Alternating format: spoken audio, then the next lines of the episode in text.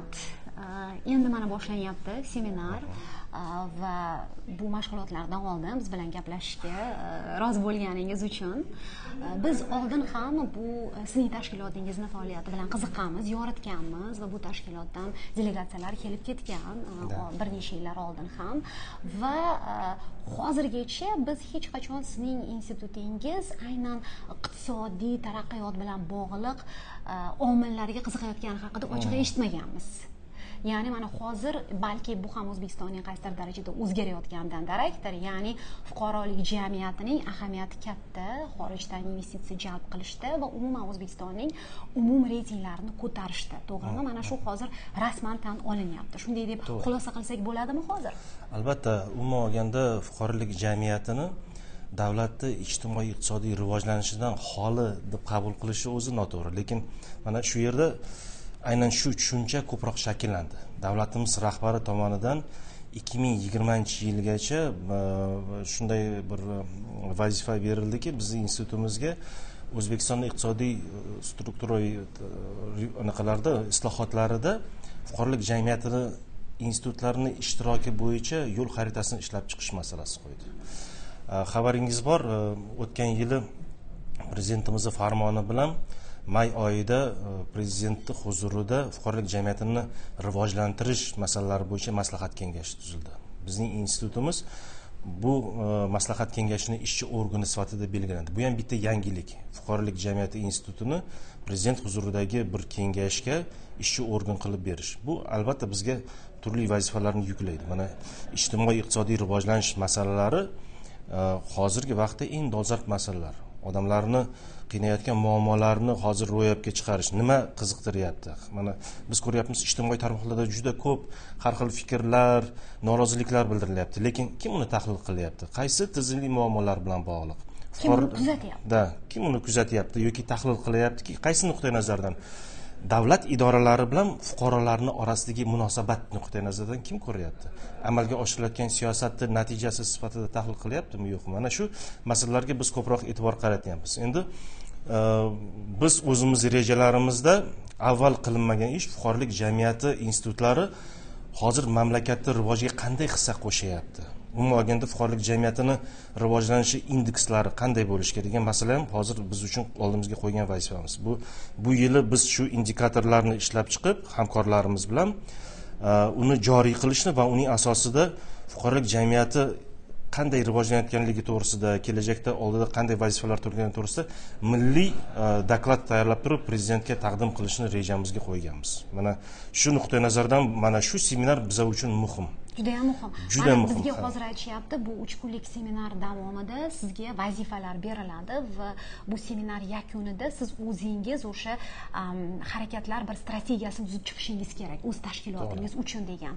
Lekin vashingtonda umumiy bir qarash shuki o'zbekistonda fuqaro jamiyati judayam zaif va deyarli yo'q degan gapni ko'p eshitamiz va mana biz o'zimiz ham yillar davomida kuzatib kelamiz va fuqarolik jamiyati deganda mana o'zbekiston hukumati aytadigan fuqarolik jamiyati tom ma'noda mustaqil emas. Bu hukumatning fuqarolik jamiyati degan bir talqin bor.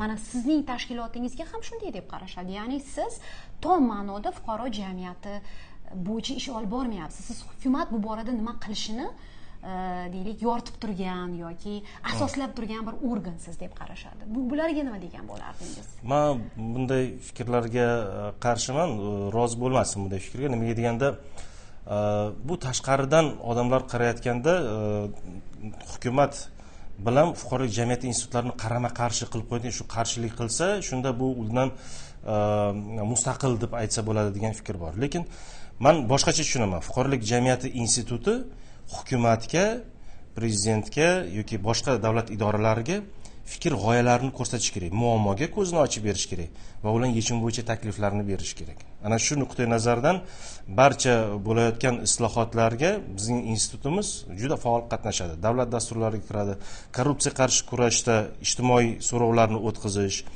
turli sohalarda mana oldin biza oliy ta'lim sohasidagi korrupsiya voqeligi qandayligini xususiyatlari nimadan iboratligini ko'rib turib shu yo'nalishda milliy koordinator bosh prokuraturaga o'zimizni fikrlarimizni va choralar bo'yicha takliflarimizni berganmiz. Man o'ylaymanki siz vaziyatni kuzatasiz albatta. o'z tahlilingizni hukumatga berasiz va bu tahlil tavsiya sifatida boradi va qay darajada hukumat masalan quloq soladi sizga man bitta misol keltiraman. Mana e, bu yilga qabul qilingan e, prezident tashabbusidan davlat dasturiga biz e, ikki sektorli modeldan ya'ni davlat bilan faqat nodavlat tashkilotlarni hamkorligi emas balkim bu yerda biznes ham ishtirok etishi bo'yicha uch sektorli hozir hamkorlik modelini ishlab chiqish bo'yicha qonun loyihasini ishlab chiqish g'oyasi. Mana shu davlat dasturiga kiritildi.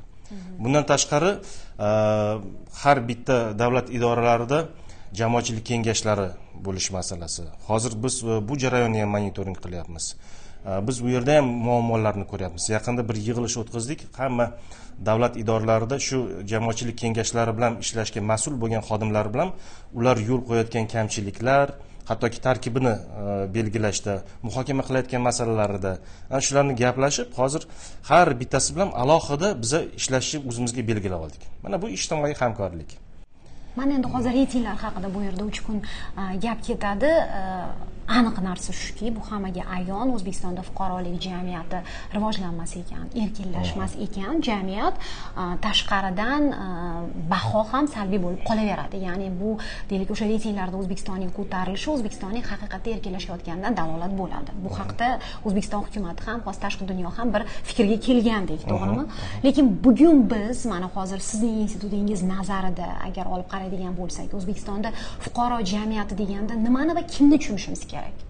Kerak fuqarolik jamiyati deganda man o'ylaymanki davlatga hukumatga tegishli bo'lmagan barcha aktorlarni biz ko'rishimiz kerak. Ya'ni bu fuqarolar bo'lishi mumkin tadbirkorlar bo'lishi mumkin nodavlat tashkilotlar jamoatchilik uyushmalari bo'lishi mumkin turli jamoatchilik harakatlari bo'lishi mumkin. ommaviy axborot vositalari ommaviy axborot vositalari bu eng birinchilar qatorida deb aytamiz. Kuzatuvchilar. Biza hozir ko'ryapmiz nafaqat jurnalist bu shunday insonki bu befarq emas bo'layotgan jarayonlarga. Uni tahlil qilib turib o'zini nuqtai nazarini bildiradi va bu bilan ko'p jamoatchilik fikrini ham shakllantiradi va keng jamoatchilikni e'tiborini qaratadi mana shu nuqtai nazardan fuqarolik jamiyatini eng muhim institutlari deb hisoblashimiz kerak. Ommaviy axborot vositalarini. Sizning nazaringizda mana fuqarolik jamiyati taraqqiyoti uchun hozir ayni shu damda tashlanishi kerak bo'lgan eng zarur qadam nima?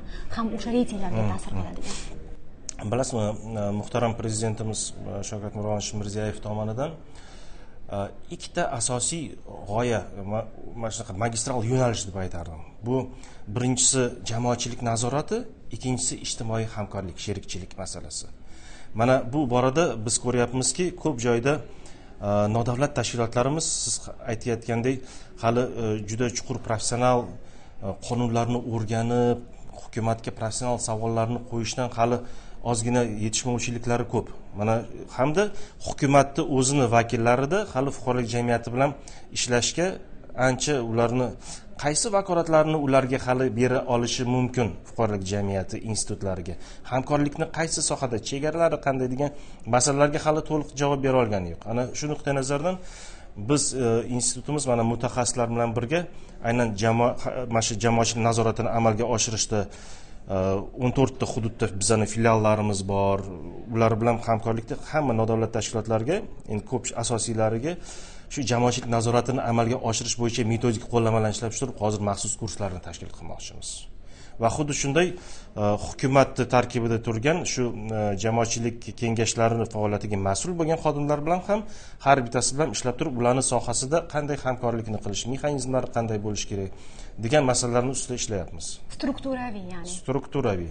Va hukumat e, o'sha bor fuqaro jamiyatiga jiddiy taraf sifatida qaray boshlashi kerak to'g'rimi? Shu paytgacha o'zbekistonga nisbatan yayraydigan o'sha eng ashaddiy tanqidlardan biri shu bo'lgan. Ya'ni hukumat fuqaro jamiyatini tan olmaydi. Va hukumat nazarida fuqaro jamiyati bu aynan o'sha deylik qiynoqlar yoki majburiy mehnatga qarshi kurash muayyan so'z erkinligi matbuot erkinligi bilan bog'liq muayyan masalalarni ko'tarib chiqayotgan taraf sifatida. Ko'plab nohukumat e, tashkilotlari yoki o'sha tashkilot bo'laman degan tomonlar e, registratsiyadan o'ta olmayapti ro'yxatdan o'tish qiyin degan tanqidlar ham yangraydi ayniqsa mana human rights watch inson huquqlari bo'yicha xalqaro tashkilot shu masalani ko'tarib kelyapti. Ya'ni o'zbekistonda nohukumat tashkilotlarning ro'yxatdan o'tishi hamon qiyin deb. Siz bu bu vaziyatni qanday ko'rasiz? Mana biz e, shu prezidentni huzuridagi maslahat kengashiga birinchi ko'targan masalalarimizdan biri to'qson ikkinchi yildan boshlab turib shakllangan qonunchilik normativ huquqiy bazani olib inventarizatsiyadan o'tkazish masalasini qo'ydik. Chunki birinchidan e, qabul qilingan qarorlar va qonunlar orasida tafovutlar ko'p. Shular qatorida siz aytayotgan muammolarni kelib chiqishiga sabab bo'layotgan e, normalar ham mavjud. Ana shu nuqtai nazardan biz hozir e, nodavlat tashkilotlar bilan bog'liq bo'lgan barcha qonunlarni yagona bitta qonun tizimiga keltirish. Undagi mana shu ikkilamchi tushuniladigan bir biriga qarama qarshi bo'lgan normalarni bartaraf qilish va eng asosiy masala bu qonunni endi to'g'ridan to'g'ri ta'sir qiluvchi normalarga ega bo'lishi. U yerda mukammal qilib yozilishi masalasini qo'yganmiz. Bu borada biz e, hukumatga adliya vazirligiga prezident administratsiyasiga oliy majlisga murojaatlar qilganmiz. Bu bo'yicha tahliliy ma'lumotlarimizni berganmiz va hozirgi vaqtda qonunchilik palatasi huzurida shu qonunchilik muammolari bo'yicha institut bor yaqinda ochilgan. Ana shu institut bilan birga shu qonun loyihasi ustida ish olib borilyapti. Man o'ylaymanki ko'p masalalarga oydinlik kiritadi va ochiq shaffofligi ta'minlanadi. Demak hozirgi sharoitda qonunlar joyiga qo'yilmas ekan. O'sha men e, aytayotgan masala ro'yxatdan o'tkazish qiyin shunday deb bir tahlil qilsak bo'ladi. Shuning uchun ham sekin bu jarayon desak masalan. shunday desak ham bo'ladi. Chunki e, bilasiz mana davlat idoralari birinchi navbatda e, u yoki bu masalada agar e,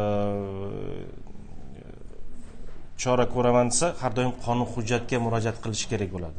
Qachonki u yerda xato normalar bo'lar ekan yoki shu sharoitga qulay bo'lgan normalar bo'lar ekan bu narsa davom etaveradi bundan kimdir foydalanishni xohlaydi biz hozir oldinga qo'yayotgan masala aniq ravshan qilib yozilishi kerak. Nodavlat tashkilot har qanday fuqaro murojaat qilayotganda uni murojaatiga qanday javoblar bo'lishi kerakligini aniq bilish kerak. Bu narsalar qonunda yozilgan bo'lishi kerak. Soddalash kerak. Soddalash kerak. va aniq bo'lishi kerak. Sodda ravshan bo'lsa har qanday fuqaro bu qonunni o'qib tushunishi kerak va har bitta davlat idorasi xuddi shunday tushunishi kerak va bir xil yondashuv bo'lishi kerak ikki tomondan. Har bitta tomon e, davlat idorasi yoki fuqaro o'zini vakolatlarini va huquqlarini aniq ravshan bitta tilda olib gapirishadigan darajaga olib kelishimiz kerak. Ana shunda man o'ylaymanki e, bu masalalarni tartibga solish ancha oson kechadi. Muvaffaqiyat tilaymiz. Bu harakatlarda. Katta rahmat. sizga. Sog' bo'ling welcome to our embassy. I'm very delighted to co-host this event, event that is uh, attended uh, by high-level uh, Uzbek delegates. As you may know, uh, the last two and a half years, uh, Uzbekistan has uh, improved its perception in many international rankings. So a few months ago, the OECD so move to flexion from the sixth to fifth position.